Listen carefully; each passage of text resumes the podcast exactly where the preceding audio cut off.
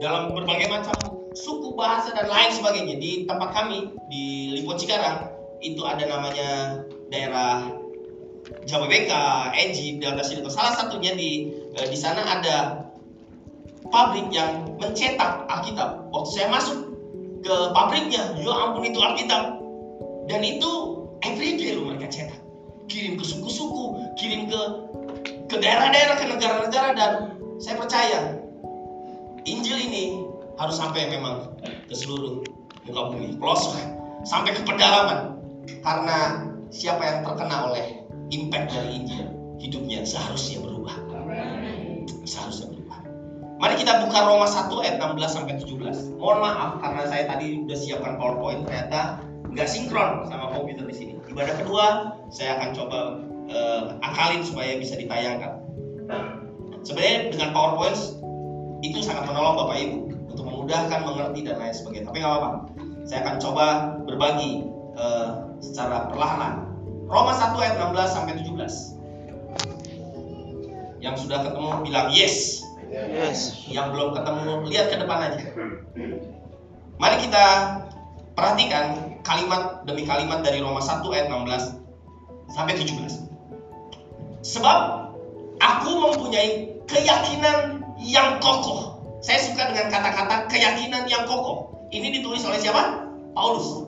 Dia bilang, sebab aku mempunyai keyakinan yang kokoh dalam apa?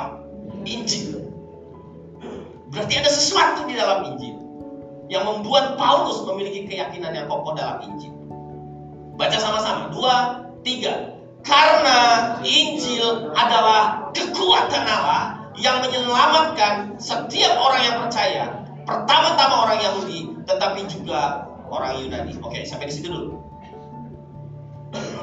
Sekarang mari kita lihat 1 Korintus 15 ayat 1 sampai 4. Nanti baru kita akan bahas secara eh, tahap demi tahap. 1 Korintus 15 ayat 1 sampai 4. Oke.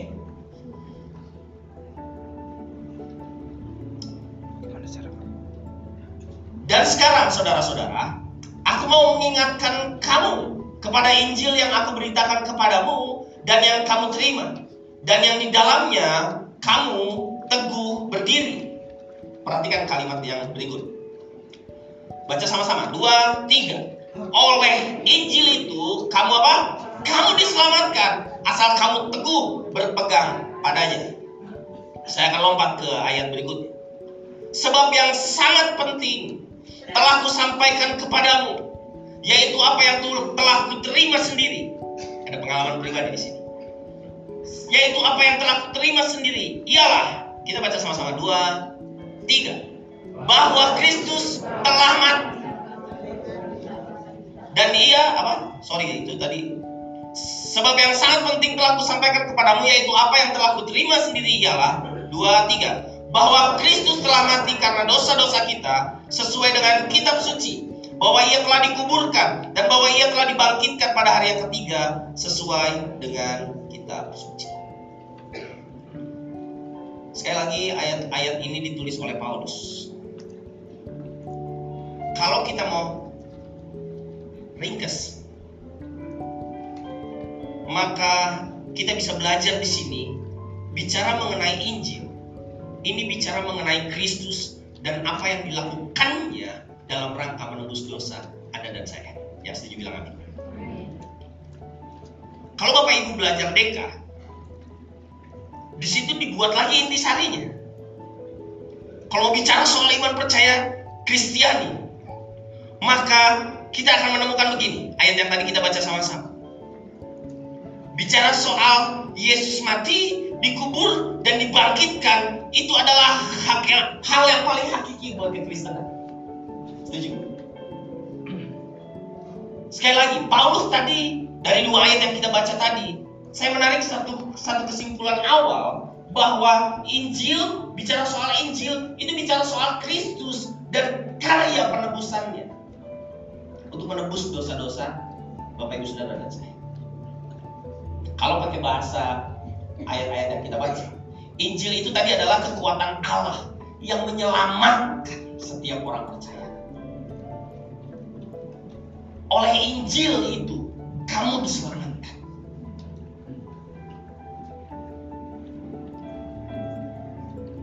Asal kamu teguh berpegang padanya. Namun bagi beberapa orang, Injil ternyata dianggap sebagai sesuatu yang bodoh. Bagi beberapa kalangan, salib Kristus dianggap sebagai batu sandungan. Bagi beberapa kalangan, salib merupakan hal yang negatif. 1 Korintus 1 ayat 23 24 menegaskan apa yang saya sampaikan barusan. 1 Korintus 1 ayat 23. Tetapi kami memberitakan Kristus yang disalibkan untuk orang-orang Yahudi. Hal ini merupakan apa? Sandungan. Dan untuk orang-orang yang bukan Yahudi, suatu kebodohan.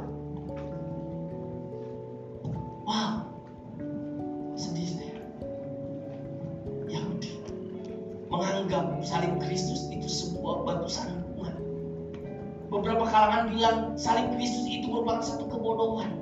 Why? Bapak Ibu, di belakang iPad saya ini, Bapak Ibu ada lihat ada sebuah logo, simbol, ya, simbol Apple, betul? Jujur, waktu Bapak Ibu lihat simbol Apple, apa yang terlintas langsung, nggak usah pakai mikir-mikir, apa yang dipikirkan? Hah? Oke, thank you. Mahal. Bapak Ibu pernah lihat rumah makan yang simbolnya M?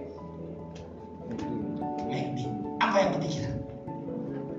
Hah? Ayam. Mahal mulu. Ayam. Ayam, enak. Makanan. Bapak Ibu nggak mungkin waktu aku mau cari semen, mikirnya McDonald. Nggak mungkin. Mau bangun rumah gitu mikirnya McDonald. Begitu lihat simbol tertentu, Itu dia langsung lapar. kes, ini. Ya.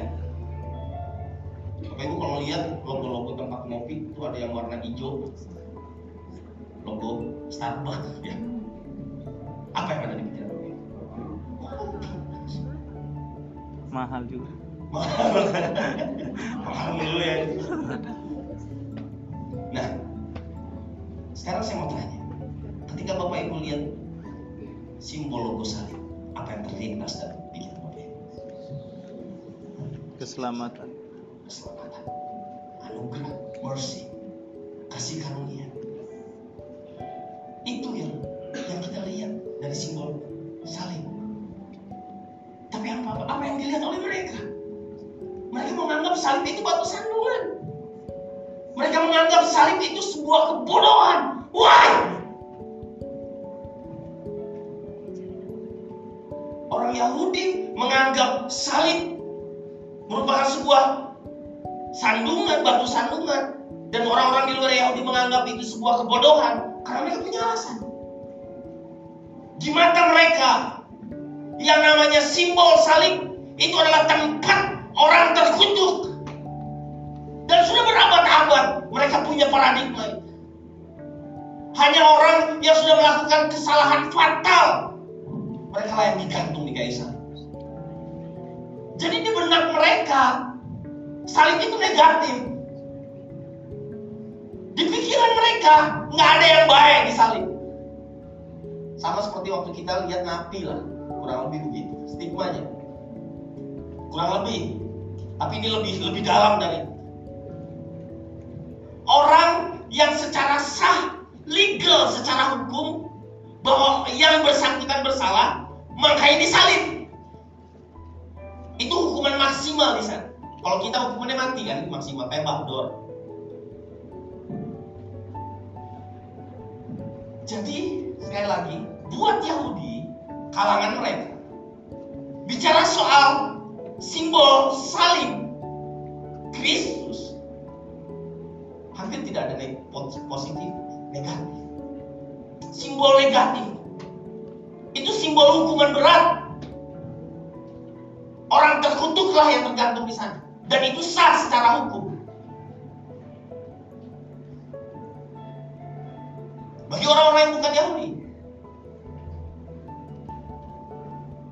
Hal itu merupakan sebuah kebodohan. Kenapa? Karena mana, mana mungkin kamu bicarakan soal salib dan kamu menceritakan salib yang akan membawa perubahan hidup, yang akan merubah hidupmu secara total. Padahal salib itu adalah simbol negatif. Hmm. Jadi Anda bisa bayangkan bagaimana Paulus di dalam rangka menceritakan Injil salib Kristus di kalangan mereka. Hmm. Anda bisa bayangkan itu? Betul. Tidak mudah. Hmm. Kristus Paulus sedang membawa simbol salib yang bagi kebanyakan orang pada zaman itu di sekitar dia itu adalah simbol negatif. Sekarang Paulus bawa ini loh salib yang akan merubah hidupmu, Hmm. yang akan memberikan kepadamu hidup yang kekal, hidup yang baik. Apalagi lah damai, bahagia, sejahtera, tentram dan lain sebagainya. Mereka itu kebodohan. Mana mungkin? Salib simbol orang terkutuk. Wah, udah segala hal yang jelek lah ada di situ. Kemudian sekarang ada orang seseorang yang lain membawa bahwa ini loh salib yang akan merubah hidup kamu. Wah, rubah kamu dulu. Kamu aja tergantung di kayu salib kurang lebih begitu. Tidak mudah. Makanya Injil salib Kristus dianggap sebuah kebodohan dan batu sandungan. Saya cuma ingin Bapak Ibu, saudara-saudari kekasih, melihat satu hal bahwa ketika Paulus memberitakan Injil salib Kristus, Injil kabar baik di zaman dia tidaklah mudah. Hmm. Jadi kalau Bapak Ibu sebagai pewarta Injil saat ini menghadapi tantangan, saya mau bilang, please jangan menyerah. Hmm. Saya harus 12 jam masuk ke daerah Baduy, nggak pakai mobil, pakai kaki. Nggak bisa naik mobil, harus jalan kaki. Saya berangkat pagi pulang pulang besoknya. Hanya satu hari karena kami tamu cuma dikasih jatah satu hari. Saya hanya menceritakan tentang Isa Al-Masih itu siapa. Dan habis itu saya pulang. Saya pergi ke daerah Jawa Barat. Kenapa? Karena Jawa Barat adalah provinsi terbesar Muslim. Kerasnya, hijau. Saya naik turun gunung sama seorang bapak sekarang sudah lama. Udah tua, 70 tahun. Jalan kaki. Ini Pak Isan, kita doain rumah ini. Ayo, doa dulu. Saya dengar bapak sakit ya. Boleh kami doakan. Orang lagi sakit. Didoain seneng. Apalagi yang udah selangnya banyak. Ah, enak. Silakan. Dapat ban- bonus teh manis. Bukan itu maksud saya. Tapi Injil tersampaikan.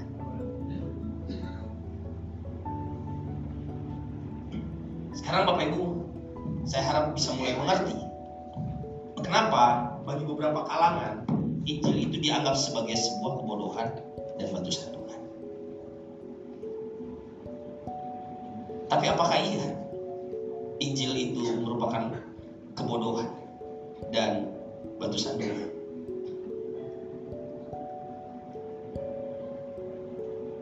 Yang saya tahu,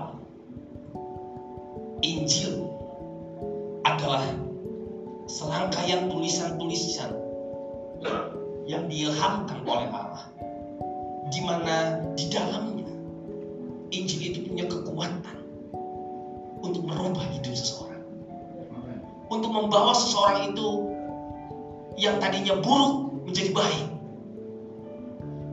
Membuat orang punya kesempatan untuk kembali kepada hakikat atau jati dirinya yang semula. Injil. Oleh Injil kamu diselamatkan. Injil ini kekuatan Allah. Injil ini hikmat Allah. Gak bisa Bapak Ibu Saudara hanya bisa mendengar ini dan kemudian lalu begitu saja Bapak Ibu tidak paham. Bapak Ibu perlu merenungkan kata-kata ini. Bapak Ibu perlu merenungkan kenapa Paulus bilang, aku punya pendirian yang kokoh di dalam Injil karena dia punya alasan. Saya tidak bermaksud mengajarkan, tapi memberitakan Injil harusnya itu sudah menjadi gaya hidup kita. Di mana kita ada, di mana kita duduk, mau di bis, mau cerita tentang Tuhan, cerita tentang kebaikan Tuhan. Karena kebaikan Tuhan tidak pernah dia tidak lakukan untuk hidupmu, betul nggak? Selalu saja ada. Selalu saja ada. Tidak ada alasan untuk Bapak Ibu tidak bisa cerita tentang Injil kepada orang-orang.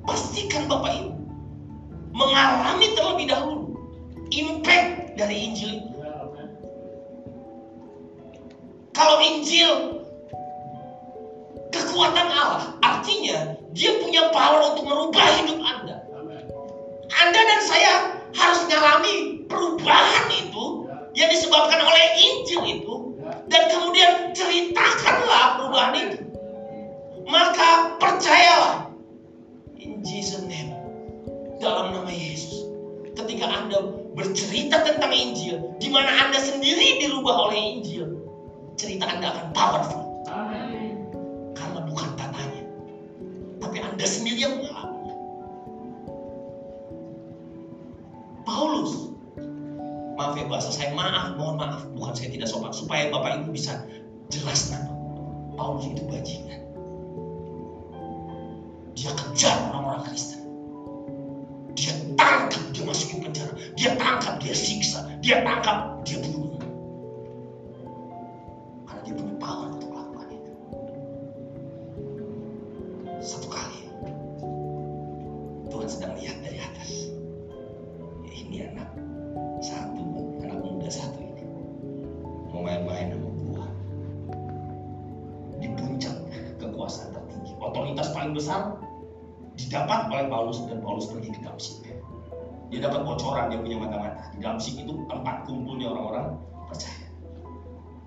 pataditas para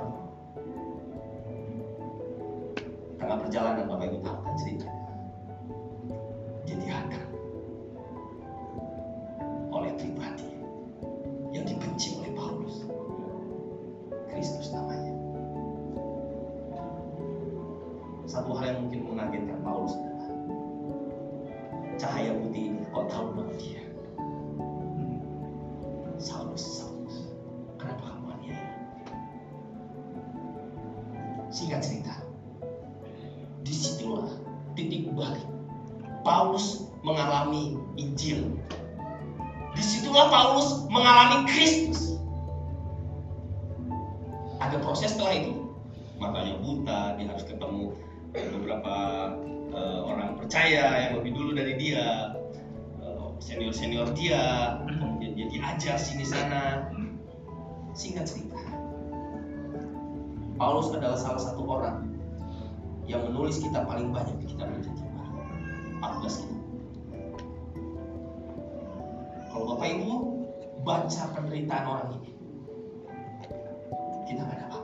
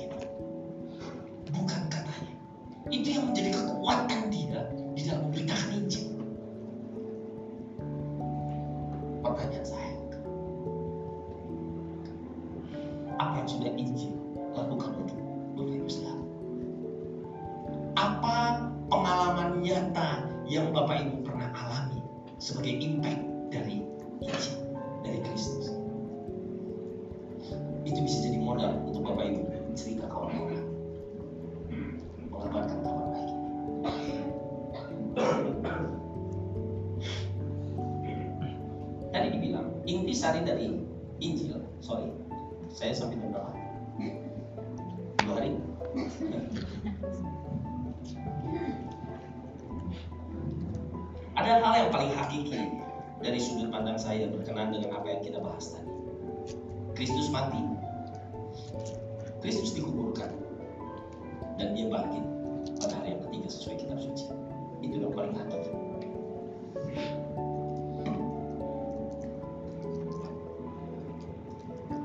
Apa yang hebat dari tiga poin ini?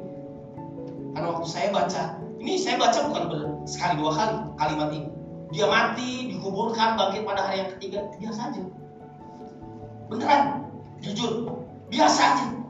Sampai pada satu di momen saat teduh saya, Roh Kudus singkapkan tiga hal yang hakiki ini kepada saya, dan saya tersungkur. Ampuni aku Tuhan. Di balik cerita Kristus mati, dikuburkan, kemudian bangkit. Ini bukan cerita selewat begitu aja. Di balik itu ada peristiwa menit demi menit, detik demi detik yang akan menentukan kita untuk percaya. Nggak cukup waktu saya untuk menceritakan Taman Getsemani. Nggak cukup waktu saya untuk menceritakan pengkhianatan Yudas yang menyakitkan hati sang guru. Cukup waktu saya menceritakan pengikut-pengikut Kristus yang tadinya sembah-sembah dia, oh pakai apa itu palem. Terus kemudian sekarang salibkan dia salibkan. Saya nggak punya cukup waktu. Kalau saya kupas itu satu-satu.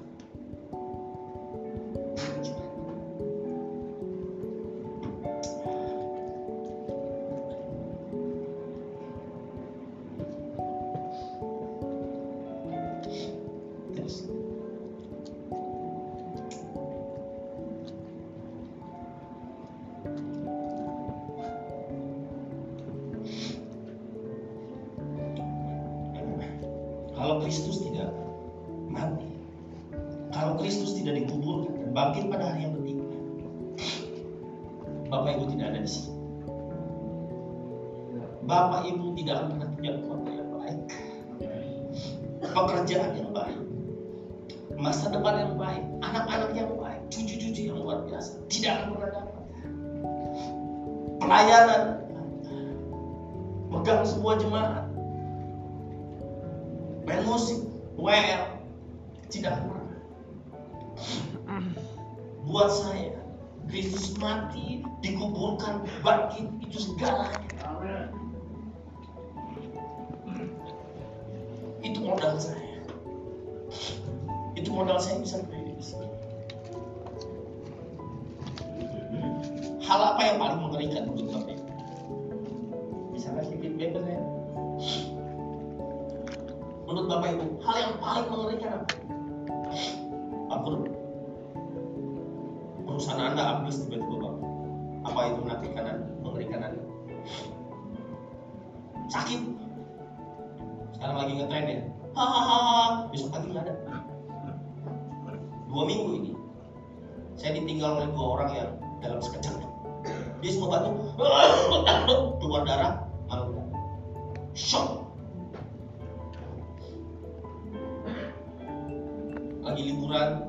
Garut, ngobrol di ruang tamu, opa yang sana.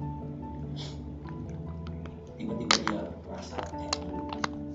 Nah, salah satu anak saya tahu cerita apakah ini lagi menuju Cikarang tahu pulang balik ke Cikarang nanti tidak bantu siapa? Semua semuanya jadi dia meninggal ya, meninggal di ruang tamu di villa itu. Kemudian pulang Ibu Cikarang di, dibawa di mobil bukan ambulan mobil pribadi. Dan dia di dalam keadaan meninggal itu dipangku sama mantunya karena bisa apakah itu hal yang paling mengerikan? Kematian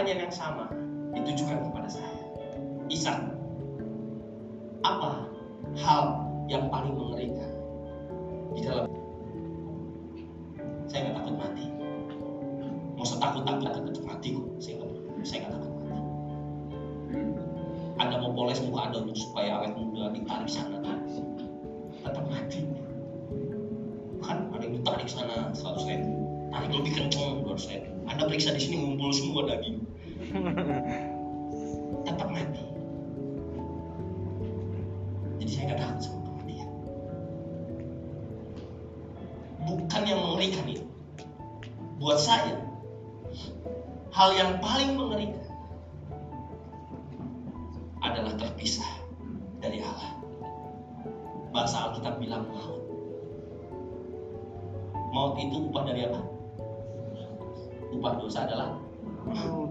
Buat saya ini yang paling mengerikan.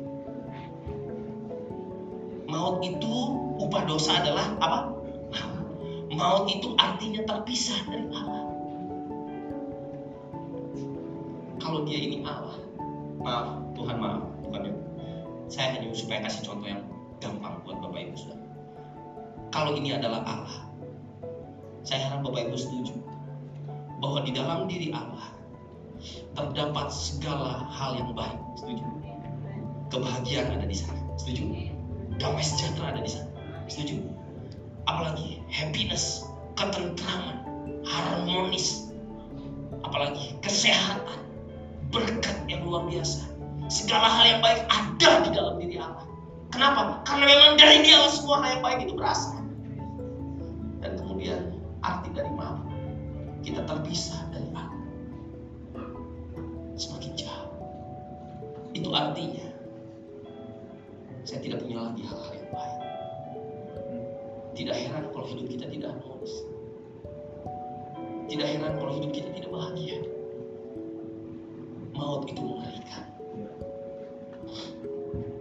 Maut itu betul-betul hal yang paling mengerikan buat saya. Kenapa? Saya pernah tinggal di laut sebelum saya diselamatkan. Gak ada bahagia. Pengennya cuma mati tiap hari tapi gak mati-mati.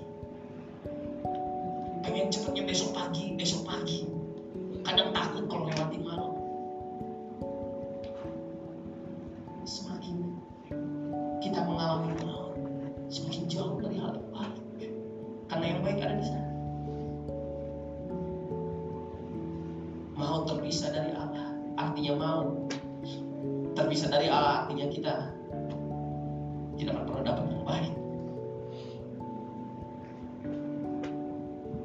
Lalu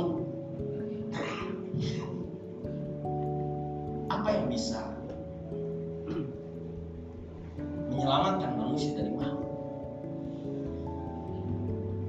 Saya pikir hampir tidak ada. Bukan hampir, tidak bisa.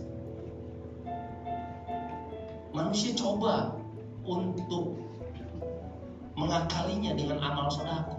Anda pikir itu bisa keadaan menjadi imbang, kedudukan menjadi imbang 0-0 gitu? Seperti kebanyakan orang mengatakan bahwa saya puasa di 30 hari 30 malam Idul Fitri, salaman 0-0 kita, 0-0 kita. Anda pikir dengan amal jariah? Anda pikir dengan ngajak makan orang-orang di panti asuhan sebanyak-banyak kemudian kita bisa 0-0? Kita merasa diri bahwa pantas untuk sekarang saya bisa mendekat diri kepada Allah.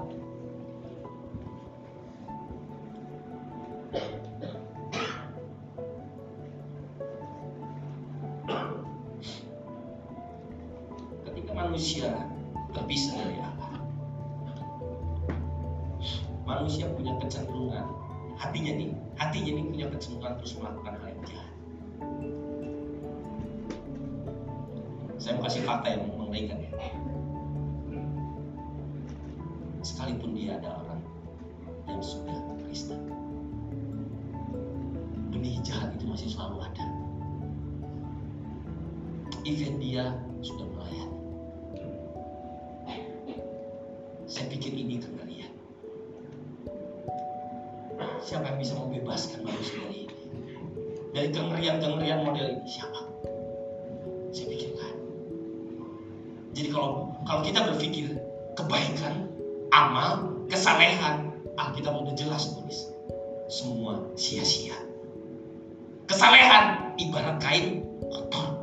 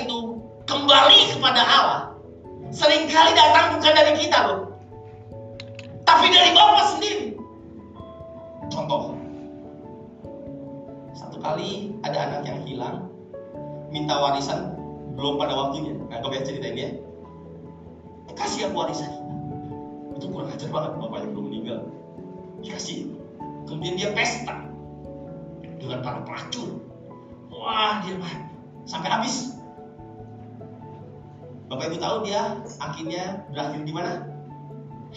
Kandang babi. Betul ya? Bahkan saya mau bilang, babi masih beruntung daripada dia. Kenapa? Babi bisa makan, dia mau makan ampas babi aja nggak bisa. Alkitab bilang begitu. Jadi babi lebih beruntung daripada orang ini.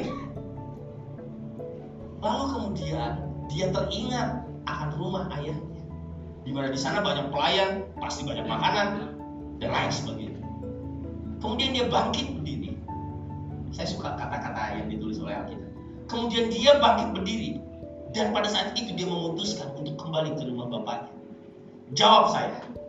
Dia waktu kembali ke rumah bapaknya, dia berharap jadi apa? Hah? Jadi apa? Waktu dia mau kembali ke ayahnya, dia punya harapan apa coba? Diusir? Diterima. Dia punya cita-cita satu. Kalau saya baca di Alkitab, Jadi pelayan. asal dia mau jadi bisa jadi salah satu pelayannya aja. Lihat, ini anak loh. Tapi waktu dia berangkat dari kandang babi, dia berangkat dengan satu pemikiran bahwa ini asal jadi salah satu pembantunya babunya dia aja, maksudnya bapaknya. Itu untung buat saya. Saya udah bersyukur banget.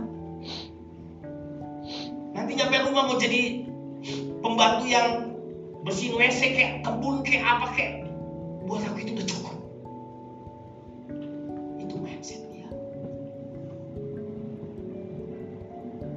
Lalu kemudian dari kejauhan, Bapak ini melihat anak yang hilang itu. Baca baik-baik. Siapa yang lari?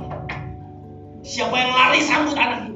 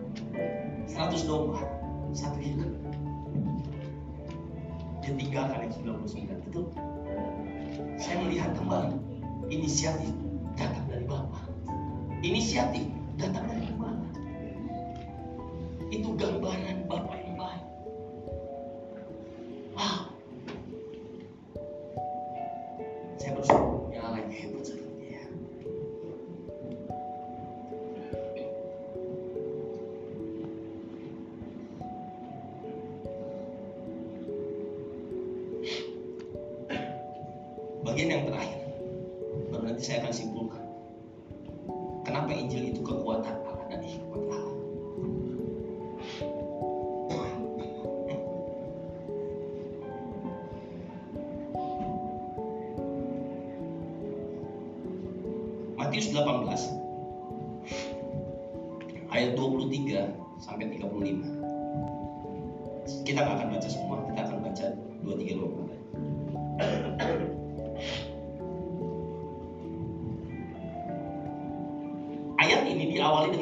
yang tegas. Sebab hal kerajaan sorga seumpama seorang raja yang hendak mengadakan perhitungan dengan hamba-hambanya. Tahan dulu di sini. Sebab hal kerajaan sorga seumpama seorang raja yang hendak mengadakan perhitungan dengan hamba-hambanya. Di sini ada sebuah kegiatan di mana saya memaknai kalimat ini bahwa siap atau tidak siap Bapak Ibu Saudara dan saya ternyata akan diadakan yang namanya perhitungan kepada Anda dan saya. Ini message-nya.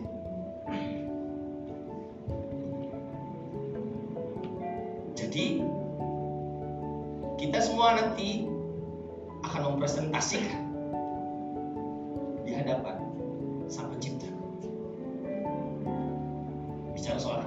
sorga itu begitu. Ayat berikutnya. Setelah ia mulai mengadakan perhitungan itu, dihadapkanlah kepadanya seorang yang berhutang 10 ribu apa? Saya ingin mengajak Bapak Ibu Saudara pelan-pelan. Saya nggak ada PowerPoint, tapi dalam nama Yesus tanpa PowerPoint pun Tuhan bekerja dahsyat pasti. Saya ingin Bapak Ibu Saudara terkasih, kita pelan-pelan menaruh sebuah gambaran, mengimajinasikan kondisi ini. Sebentar saja, sebentar saja. Sementara, sementara sang raja sedang melakukan perhitungan, dengerin presentasi dari hamba-hambanya melakukan perhitungan-perhitungan. Diperhadapkan kepadanya seorang hamba yang memiliki hutang berapa? 10 ribu talenta. Kalau Bapak Ibu bacanya cepat-cepat, Bapak Ibu nggak akan dapat apa-apa. Bapak Ibu akan kelewatan hal yang yang sangat hebat. Stop sampai di sini. Mari kita buka tentang apa itu talenta. Seberapa banyak yang ditulis yang dimaksud 10 ribu talenta. Talenta adalah alat ukur untuk mengukur uh, logam mulia. Di antaranya seperti emas dan perak. Alat ukur untuk mengukur emas dan perak. Satuan dari satu talenta itu sama dengan 34 kg. Berapa? 34 kg. Mari kita hitungkan dengan ukuran emas. Tiga, satu talenta berapa tadi? 34 kilo. Kalau 10 ribu berarti 34 dikali 10 ribu. Jawab.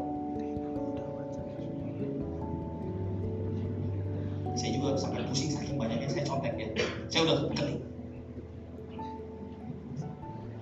34 kilogram, ini versi 34 dulu, jangan dikaliin 10 ribu. 34 kilogram itu sama dengan 34 ribu gram, setuju? Ya, 34 kilo, 34 ribu gram. Kalau salah tolong koreksi saya. Sekarang mas kilo berapa? Eh, sekilo, segram.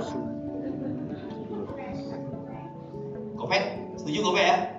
Walaupun ada gope something, gope lah. 34 gram eh 34 kilo sama dengan 34 ribu gram dikali gope. Saya kasih tahu kalau nggak tahu. Karena memang banyak. 17 M. Itu baru satu talenta 17 M kali 10 ribu. 170 triliun itu hitungan kalau talentanya untuk mengukur berat logam mulia emas atau perak 10 ribu talenta kalau ukurannya itu emas ya kita pakai gopay segram 170 triliun. Ingat baik-baik. Dibeliin kerupuk ngambang. Dibeliin bubur kacang hijau kelep. Jika mengukurnya pakai ukuran uang, satu talenta itu 6.000 dinar. Oke. Satu talenta berapa? Enam ribu dinar. Saya mau kasih tahu di zaman itu satu dinar itu upah satu orang satu hari orang kerja. Hmm. Upah satu hari orang kerja. Kalau kita tarik ke Bekasi, di mana kita tinggal nih, UMR, UMK, katakan nih, saya mau ngambil yang bukan yang tinggi, yang biasa aja. Sehari cepet, setuju? Kita kerja nih sehari cepet, sebulan 3 jutaan kan? Itu saya ambil yang rata-rata deh, yang kecil gitu, cepet, Iya. cek, cepet cek.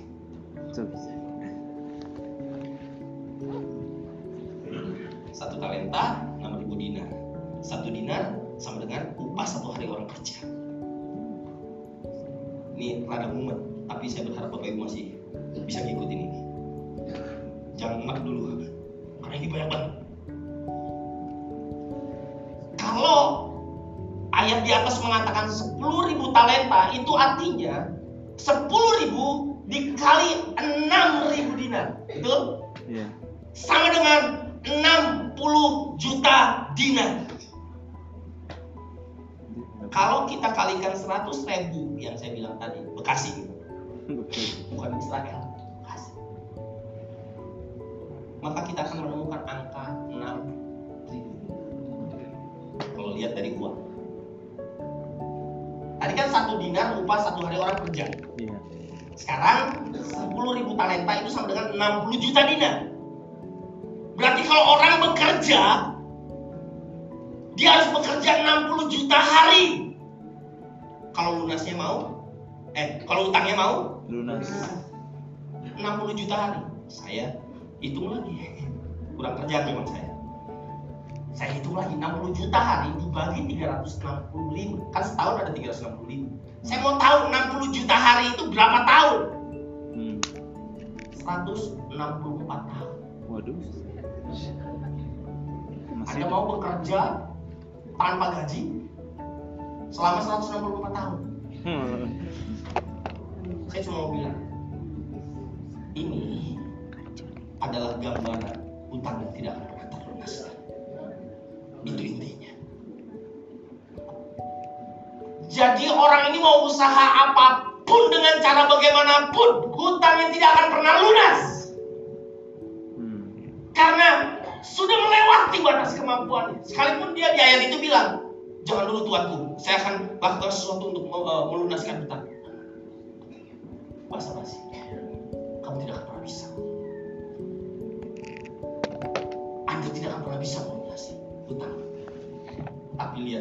sang raja. Sekarang aku bebaskan hutang kamu. Wow, dahsyat banget. Satu hal yang bisa membebaskan orang ini dari hutang. Kalau saya melihat dari ayat ini, ya memang harus ada semacam pembebas. Savior. Dalam hal ini konteks ini sang raja lah yang bisa memerdekakan orang ini. Tanpa sang raja, mau siapa? Kumpulin semua om yang dia punya, kumpulin semua tante yang dia punya, nggak bisa mengulangi melunasi hutang. Hmm. Kumpulin se-RT tetangga-tetangganya, palakin satu orang satu juta, nggak bisa. Kebebasan yang bisa didapatkan dialami oleh si hamba adalah ketika si sang raja memberikan pembebasan itu free. Sayang sungguh disayang, waktu dia kasih free, dia tidak melakukan hal yang seperti itu. Raja mau. Gak ada waktu untuk bahas itu. Iya. Saya akan tutup closing dengan yang terakhir. Saya minta kunci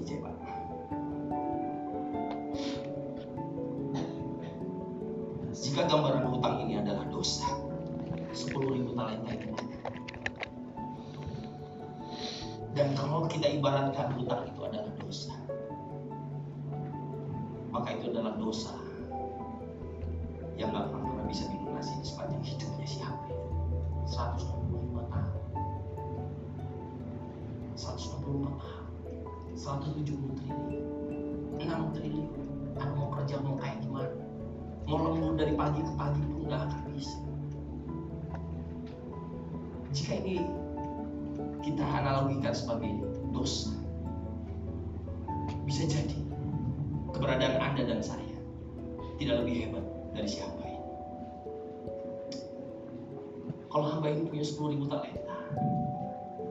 dan saya 15 ribu.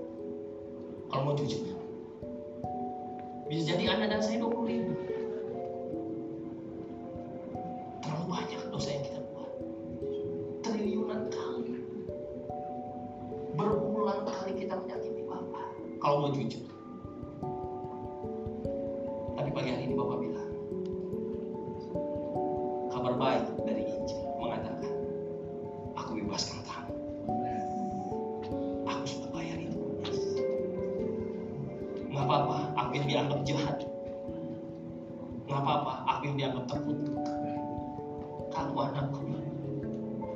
Aku bebaskan kamu hari ini. Merdekalah. Hiduplah di dalam Injil. Karena Injil itu kekuatan Allah. Hikmat Allah. Bapak Ibu masih banyak yang ingin saya Tapi satu hal yang ingin saya bilang sama Bapak Ibu. Kalau selama ini Bapak Ibu ada yang punya hutang dalam hal dosa, terlalu banyak dan Anda berpikir bahwa aduh aku najis, aku kotor, aku nggak layak. Stop punya pikiran kayak gitu. Ketika Bapak Ibu bangkit, dia mau kembali kepada Injil. Saya mau kasih tahu Bapak yang akan lari menyebut Anda. Ketika Bapak Ibu sudah merasakan dampak dari Injil, jangan tahan untuk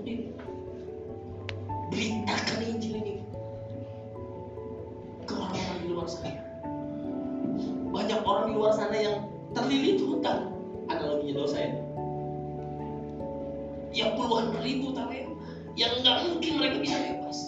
Hanya Injil yang bisa membebaskan. Hanya salib Kristus yang dianggap konyol oleh kebanyakan orang. Itulah yang bisa membebaskan.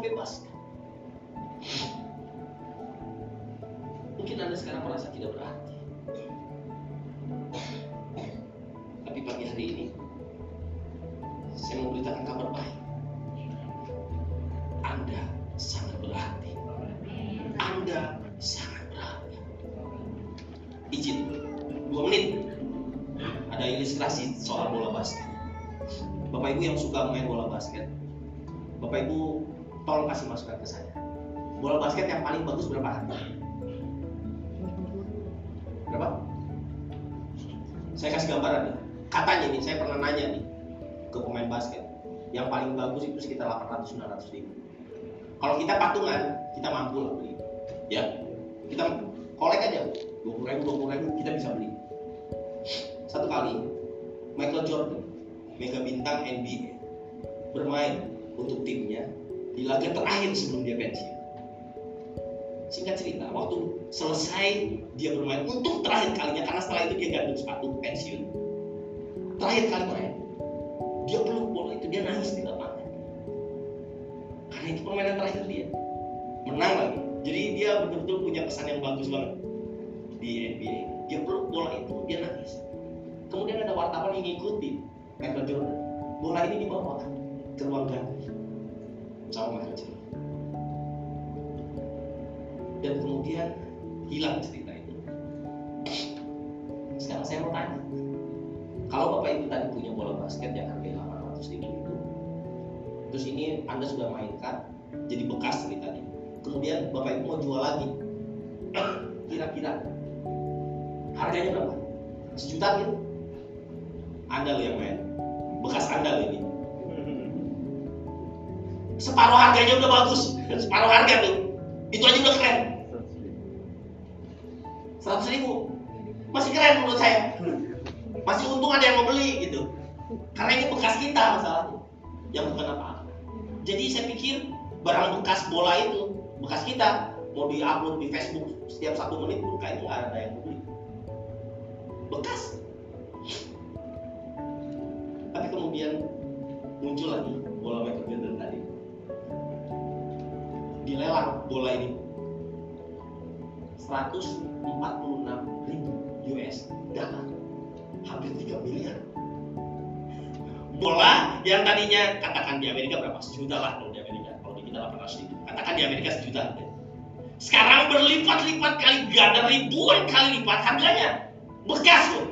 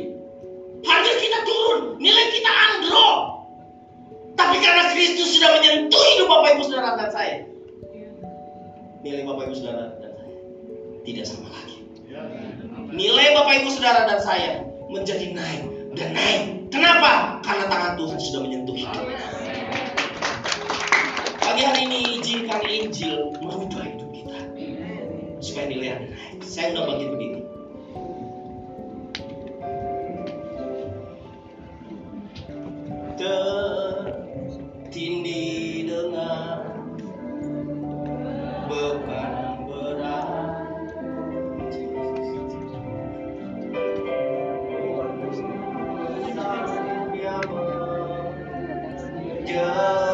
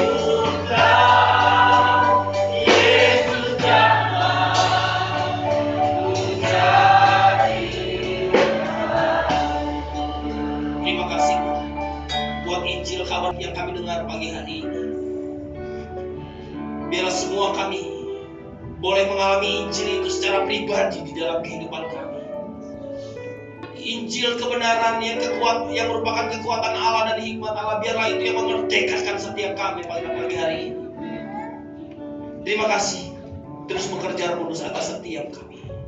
Berbicara lebih dalam, lebih rinci supaya kami lebih memahami dan mengurapi kami untuk kami punya keberanian untuk menceritakan Injil ini di luar sana supaya banyak orang pada akhirnya mengalami Injil secara pribadi.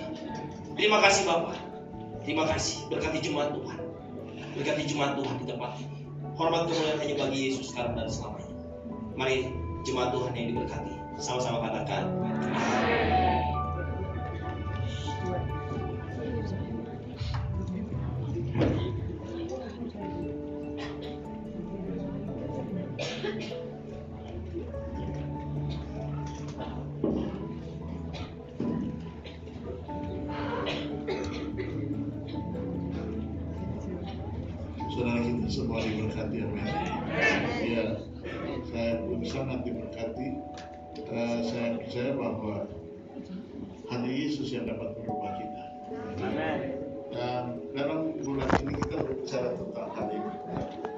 Kalau kita tahu Yesus merubah kita yang tadinya harus binasa diubah